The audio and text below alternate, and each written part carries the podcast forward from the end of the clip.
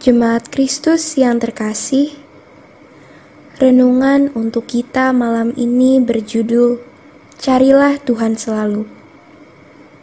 Dan bacaan kita diambil dari kitab Amos pasal 5 ayat 4 sampai 9. Beginilah firman Tuhan.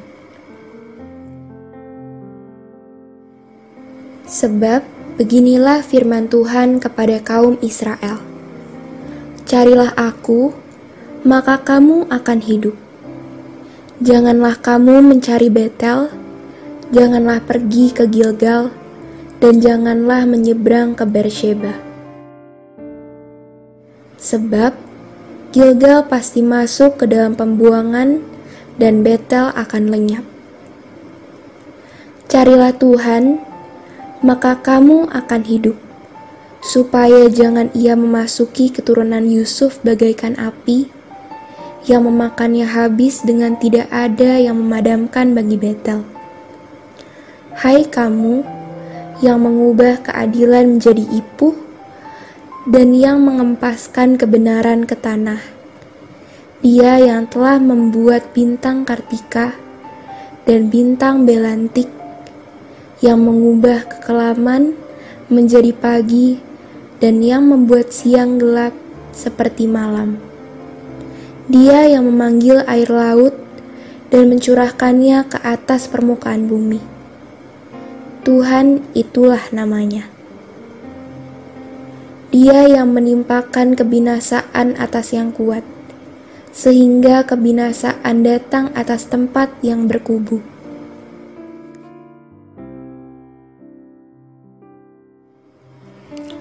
Yang akan kita lakukan saat kita terdesak?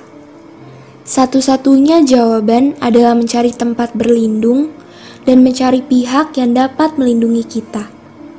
Apalagi saat kita memang menjadi pihak yang melakukan kesalahan. Sebisa mungkin, kita akan segera mencari tempat aman untuk diri kita agar terhindar dari penghukuman. Bacaan kita saat ini mengisahkan saat Nabi Amos mengingatkan kembali bangsa Israel untuk kembali kepada Allah dan senantiasa mencari kehendaknya. Israel telah melakukan kesalahan yang mendukakan hati Tuhan dan bawa mereka kepada penghukuman sebagai akibat dari tindakan salah mereka. Persoalannya, Israel tidak segera menyadari apa yang harus mereka lakukan. Ayat 5 memunculkan dugaan bahwa Israel kemungkinan akan mencari pertolongan lain daripada meminta pertolongan dan meminta ampun kepada Tuhan. Tiga tempat disebutkan, yaitu Gilgal, Betel, dan Beersheba memang menjadi tempat yang bersejarah bagi Israel berkaitan tentang pengalaman mereka di masa lalu. Bukankah kita juga sering seperti Israel? Saat ada pergumulan yang menghadang kita, kita tidak mencari Allah, malah kita mencari pertolongan-pertolongan dari tempat lain yang sebenarnya juga tidak ada jaminan sedikit pun untuk penyelesaian masalah kita. Kita sering salah menaruh pengharapan kita kepada pihak-pihak yang sebenarnya tidak dapat menjamin keselamatan kita. Kita lebih memilih mereka karena mereka bisa dilihat langsung atau dapat dirasakan oleh panca indera kita.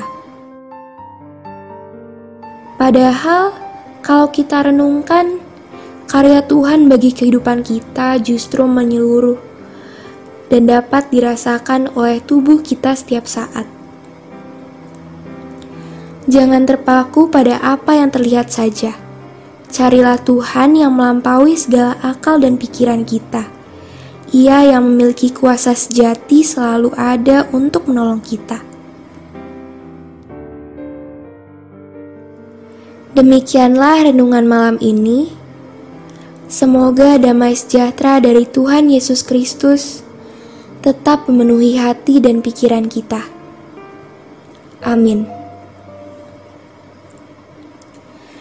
Jemaat yang terkasih, mari kita bersatu hati menaikkan pokok-pokok doa yang ada dalam gerakan doa 21 GKI Sarwa Indah. Mari kita berdoa.